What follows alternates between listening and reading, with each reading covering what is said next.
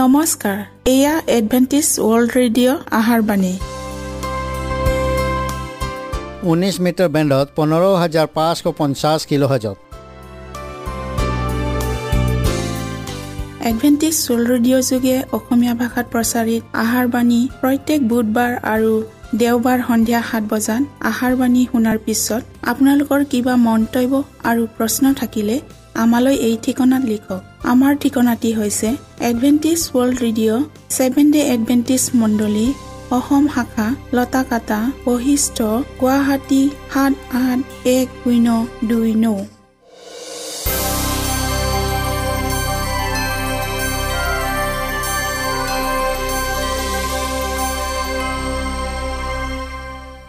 প্ৰিয় শ্ৰোতা বন্ধুসকল এতিয়া শুনো আহক এটি খ্ৰীষ্টীয় ধৰ্মীয় গীত।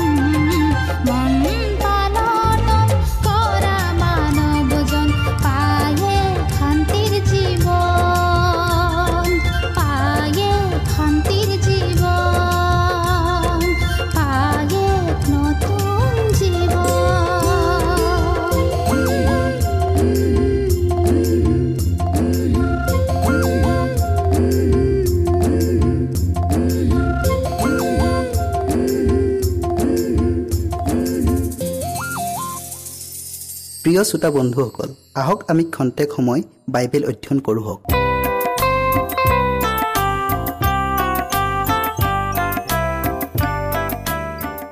দানিয়েলে সাত অধ্যায়ত দেখা দৰ্শনৰ দুবছৰৰ পাছত আকৌ আন এটা দৰ্শন পালে যিয়ে ইতিহাসৰ ধাৰাৰ এক স্পষ্ট ছবি দাঙি ধৰিছে। যিয়ে হওক এই দৰ্শনত বাবিলৰ ক্ষমতা অন্তৰ্ভুক্ত কৰা নাই। কিন্তু আহিব লগা তিনিটা ৰাজ ক্ষমতাৰ দৰ্শনহে পালে। দৰ্শনত দূতজনে বুজাই দিয়া অনুসাৰে মতা ভেড়াটোৱে মাদীয় পাৰস্য ৰাজ্যক বুজায়। দুটা দীঘল শিঙে নিৰ্ভুলভাৱে মাদীয় আৰু পাৰস্য ৰাজ ক্ষমতা বুলি দেখুৱাই দিয়ে। পৰৱৰ্তী সময়ছোৱাত আনটো শিঙতকৈ এটা শিং বৰ দীঘল প্ৰতীকেৰে পাৰস্য ৰাজ্য ক্ষমতাশালী হৈ উঠাত পশ্চিম উত্তৰ আৰু দক্ষিণ ফাললৈ এনেধৰণেৰে খুন্দিয়াই ফুৰিছিল যে সেই হিংৰূপ শক্তিক প্ৰতিৰোধ কৰাৰ ক্ষমতা কাৰো নাছিল। এই দৰ্শনৰ পাছতেই দানিয়েলে আৰু এটা মতা চাগ দৰ্শনত দেখিবলৈ পালে। দূতজনে ব্যাখ্যা কৰা মতে এই মতা চাগটো গ্ৰীচ ৰাজ্য বা ক্ষমতাক বুজায়। ডাঙৰ শিংটো প্ৰথম ৰজা আলেকজেণ্ডাৰ। তেওঁৰ ৰাজ্য মেচিডন গ্ৰীক সাম্ৰাজ্যৰ স্থাপনকাৰী। তেওঁ পশ্চিম দিশৰ পৰা আহি প্ৰচণ্ড খুন্দাৰে পাৰস্য সাম্ৰাজ্যৰ পতন ঘটালে। আলেকজাণ্ডাৰৰ অকাল মৃত্যুৰ কেইবছৰমানৰ পাছতেই তেওঁৰ সাম্ৰাজ্য চাৰিভাগত বিভক্ত হ'ল। তেওঁবিলাকৰ সময়ৰ শেষত বা গ্ৰীক সাম্ৰাজ্য বিভক্ত হোৱাৰ পাছত দুটে ঘোষণা কৰাৰ দৰে এটা সৰু শিং ওলাল। এই সৰু শিংটো কাক বুজাইছে? কিছুমানে কয় যে এই প্ৰতীকটোৱে চিৰিয়াৰ ৰজা আণ্টিয়চিয়াছ ইপিফানিছ যিজনে দ্বিতীয় শতিকাত পেলেষ্টাইন দেশখন শাসন কৰিছিল আৰু যিহুদীবিলাকৰ সেৱা উপাসনাত দুৰ্ঘোৰ বাধা প্ৰদান কৰিছিল। কিন্তু আন কিছুমানে আৰু ধৰ্ম সংস্কাৰক বহু নেতাই এই সৰু শিংটো ৰোমৰ দেৱপূজক আৰু পুপীয় সংগঠনক উভয়কে বুজাই বুলিহে কয়। পাছৰ ব্যাখ্যাটোৱেই সত্য। কাৰণ পুপীয় মণ্ডলীৰ কাৰ্যকলাপৰ সৈতে ইয়াৰ সম্পূৰ্ণ সামঞ্জস্য দেখা যায়। আন্তিয়াছৰ শাসনৰ কালত এইবোৰ প্ৰতিফলিত নহয়। এতিয়া তলৰ ব্যাখ্যাবোৰলৈ মন কৰক। গ্ৰীচ ৰাজ্যৰ পাছতেই চতুৰ্থ ৰাজ্য ৰোম ৰাজ্য স্থাপন হ'ব বুলি দেখুৱাই দিছে। ইয়াৰ বিপৰীতে তেওঁবিলাকে এখন খণ্ড বিখণ্ড হোৱা ৰোম আৰু ৰোমৰ পাছতেই নৱনিৰ্মিত খ্ৰীষ্টীয়ৰ দ্বাৰাই স্থাপন হোৱা ৰাজ্য এখন দেখিলে। এতেকে সৰু শিংটোৱেই ৰোম ৰাজ্য ইয়াত কোনো সন্দেহৰ থল নাই। কিয়নো গ্ৰীচ সাম্ৰাজ্যৰ পাছতেই অৱশেষত চতুৰ্থ ৰাজ্যখন এক অদৃশ্য হাতৰ শক্তিয়ে ধ্বংস কৰিলে। মহান হৈ যোৱা মাদীয় পাৰস্যক অতিক্ৰম কৰিবৰ বাবে উভয় অতিশয় মহান গ্ৰীচ আৰু সেই অতিশয় ৰূপে মহান হৈ যোৱা সৰু শিংটোৰ কাৰ্যকলাপৰ দ্বাৰাই আমি বুজিব পাৰিছোঁ। ৰোমৰ ৰাজ আৰু ধৰ্মীয় ক্ষমতাত এই গুণবোৰ প্ৰকাশ পায় যিটো আন্তিয়াছৰ কাৰ্যত প্ৰকাশ নাপায়। ভাৱবাণীত কোৱাৰ দৰে ৰোম সাম্ৰাজ্যৰ দক্ষিণে মিছৰ পূবে মেচিডন আৰু দেহৰত্নৰ দেশ পেলেষ্টাইন বিস্তৃত ভূভাগ আগুৰি আছিল। কেৱল ৰোমীয় ক্ষমতাইহে বাহিনীবিলাকৰ অধিপতি আৰু অধিপতিবিলাকৰ অধিপতিৰ বিৰুদ্ধে উঠিছিল। এই অধিপতিজন যীশুখ্ৰীষ্টীয়ৰ বাহিৰে আন কোনো নহয়। ওপৰৰ কথাখিনি দেৱপূজক ৰোম আৰু পুপীয় ৰোম উভয়ৰ দ্বাৰাই সিদ্ধ হয়।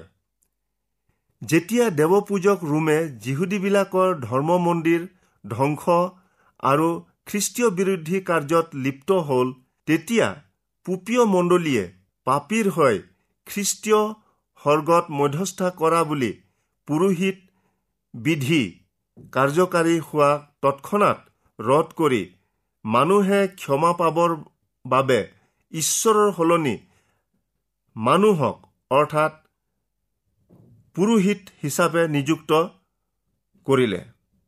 শাস্ত্ৰত উল্লেখ কৰা মতে সঁচাকৈ এই সৰু শিংটোৱে ধৰ্মধাম আৰু আটাই ধৰ্মীয় বিধিৰ বিৰুদ্ধাচৰণ কৰি নাইকিয়া কৰিব ইয়াতেই তাৰ প্ৰত্যক্ষ প্ৰমাণ পোৱা যায়। ধৰ্মধাম কি? যি বিষয়টো ঈশ্বৰৰ লোকবিলাকৰ পুনৰ স্থাপনৰ সৈতে অতি ওচৰ সম্বন্ধ আছে। এই বিষয়লৈ দানিয়েলে হাজাৰ বছৰৰ পূৰ্বেই ঈশ্বৰ জিহুৱাই তেওঁৰ নিজ লোকবিলাকৰ মাজত বাস কৰিবলৈ এটি ধৰ্মধাম নিৰ্মাণৰ নিৰ্দেশ দিছিল। অৱশ্যে স্বৰ্গীয় ধৰ্মধাম সূচীকৰণ এইবোৰৰ দৰ্শনহে পাইছিল। দানিয়েল লৰ ভাওবাণী বুজিবলৈ আবাহ তম্বু ধৰ্মধাম আৰু ইয়াত হোৱা ধৰ্মীয় বিধিবোৰৰ বিষয়ে জানিব লাগিব।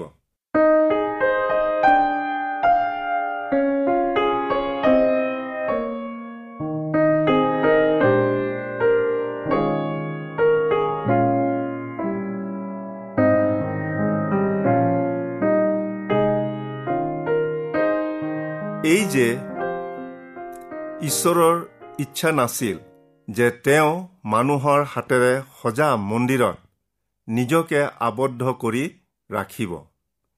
কিন্তু অনন্তকলীয়া সৰ্বব্যাপী ঈশ্বৰে প্ৰত্যেকজন মানুহৰ হৃদয়তহে বাস কৰে। যিহুদীবিলাকে এই বিষয়টো বুজিবলৈ ইচ্ছা কৰা নাছিল। সেয়ে ঈশ্বৰে আবাহ তম্বু ধৰ্মধামৰ ধৰ্মীয় বিধিবোৰৰ দ্বাৰাই যীশুখ্ৰীষ্টীয়ত সম্পন্ন হোৱা প্ৰায়চিত্ৰৰ কাৰ্যৰ সংক্ষিপ্ত আভাস সেইবিলাকক দিছিল। খ্ৰীষ্টীয়ৰ প্ৰায়চিত কাৰ্যৰ উদ্দেশ্য আছিল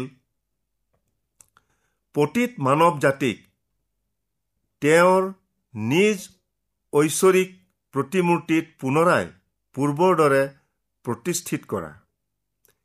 সেয়ে এই কাৰ্যক প্ৰায়চিত কাৰ্য বুলি কোৱা হৈছে।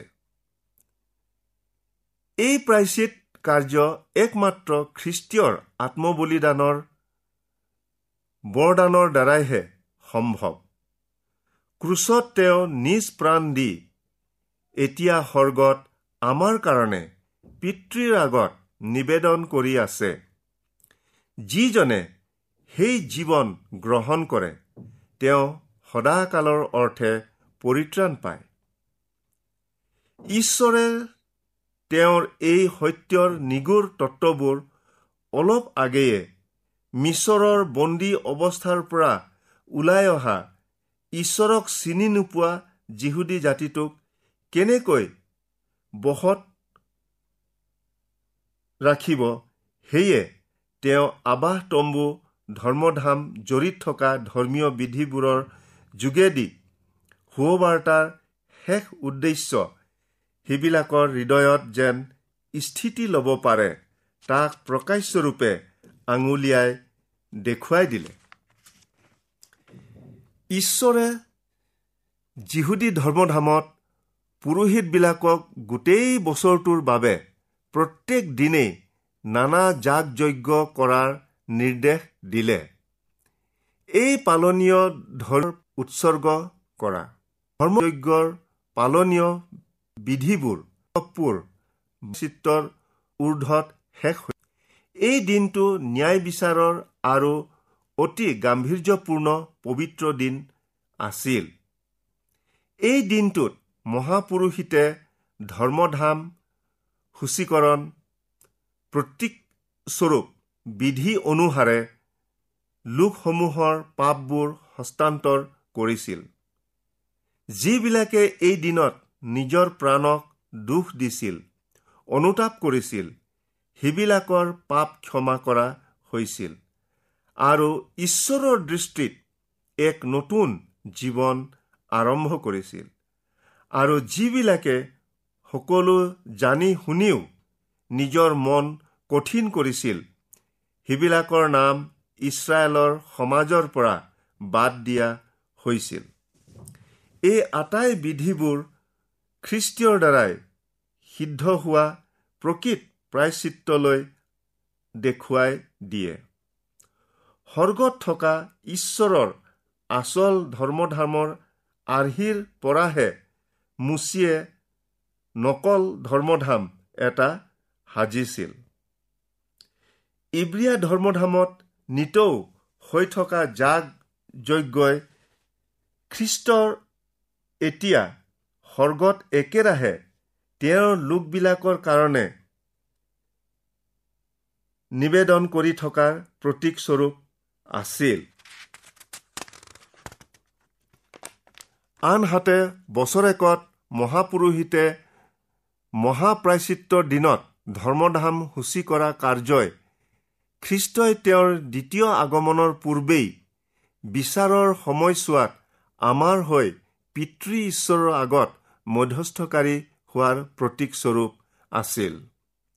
বৰ্ণনা কৰা অনুসাৰে পাছত দানিয়েলে দুই হাজাৰ তিনিশ দিনৰ এটা অংশ বিশেষ মাত্ৰ দৰ্শনত দেখিবলৈ পাইছিল যি দৰ্শনটো জিহুদী আৰু জিৰচালেম সম্পৰ্কীয় আৰু যি স্থানত ধৰ্মধাম আছিল ইব্ৰিয়া ধৰ্মধামক নহয় কিন্তু খ্ৰীষ্টৰ দ্বিতীয় আগমনৰ পূৰ্বেই স্বৰ্গত সূচী কৰিবলগীয়া ধৰ্মধামৰ বিষয়েহে দেখুৱাই দিছিল। দুই হাজাৰ তিনিশ পুৱা গধূলি পুৰণি ইব্ৰিয়া গণনা মতে সম্পূৰ্ণ এক এক দিনক বুজায়। সেয়ে দুই হাজাৰ তিনিশ ভাওবাণী দিনবোৰ দুই হাজাৰ তিনিশ বছৰক বুজাইছে। বাইবেলত এই বিষয়ে সংকেত দিয়া আছে। বাইছ বা তেইছ অক্টোবৰেই দুই হাজাৰ তিনিশ বছৰৰ আৰম্ভণি বুলি পোৱা যায়। এইদৰে ওঠৰশ চৌৰাল্লিছ খ্ৰীষ্টাব্দত দুই হাজাৰ তিনিশ বছৰৰ সামৰণি পৰে। এই সময়ছোৱাতেই স্বৰ্গীয় ধৰ্মধামত বিচাৰ আৰম্ভ হ'ল। দানিয়েল সাত অধ্যায়ত বৰ্ণনা কৰা খ্ৰীষ্টীয়ৰ পুনৰ আগমনৰ পূৰ্বেই বহা বিচাৰ সভাৰ সময় আঠ অধ্যায়ত কোৱা হৈছে।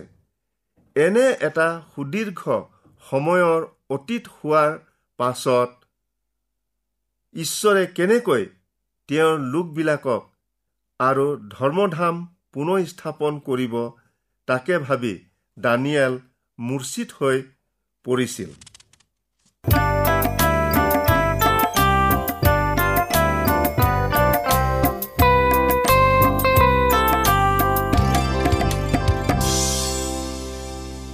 ইমানপৰে আমি বাইবেল অধ্যয়ন কৰিলোঁ। এতিয়া আকৌ শুনো আহক এটি খ্ৰীষ্টীয় ধৰ্মীয় গীত।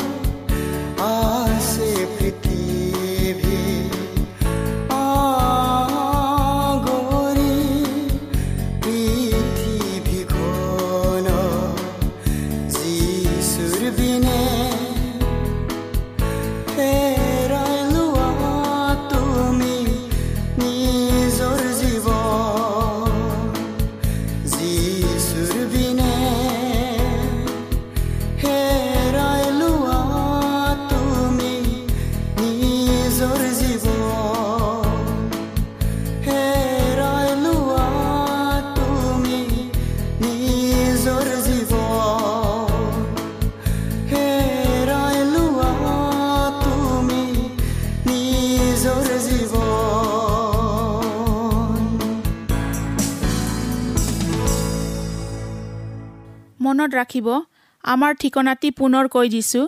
Adventist world radio' Assam region of seven day Adventist voice of hope Latakata Basistha Guwahati seven eight one zero' two nine প্ৰিয় শ্ৰোতা বন্ধুসকল এডভেণ্টিজ ৱৰ্ল্ড ৰেডিঅ' যোগে আহাৰবাণী প্ৰচাৰত আপোনালোকক পুনৰ লগ পোৱাৰ আহাৰে আজিলৈ সামৰিলোঁ। ধন্যবাদ।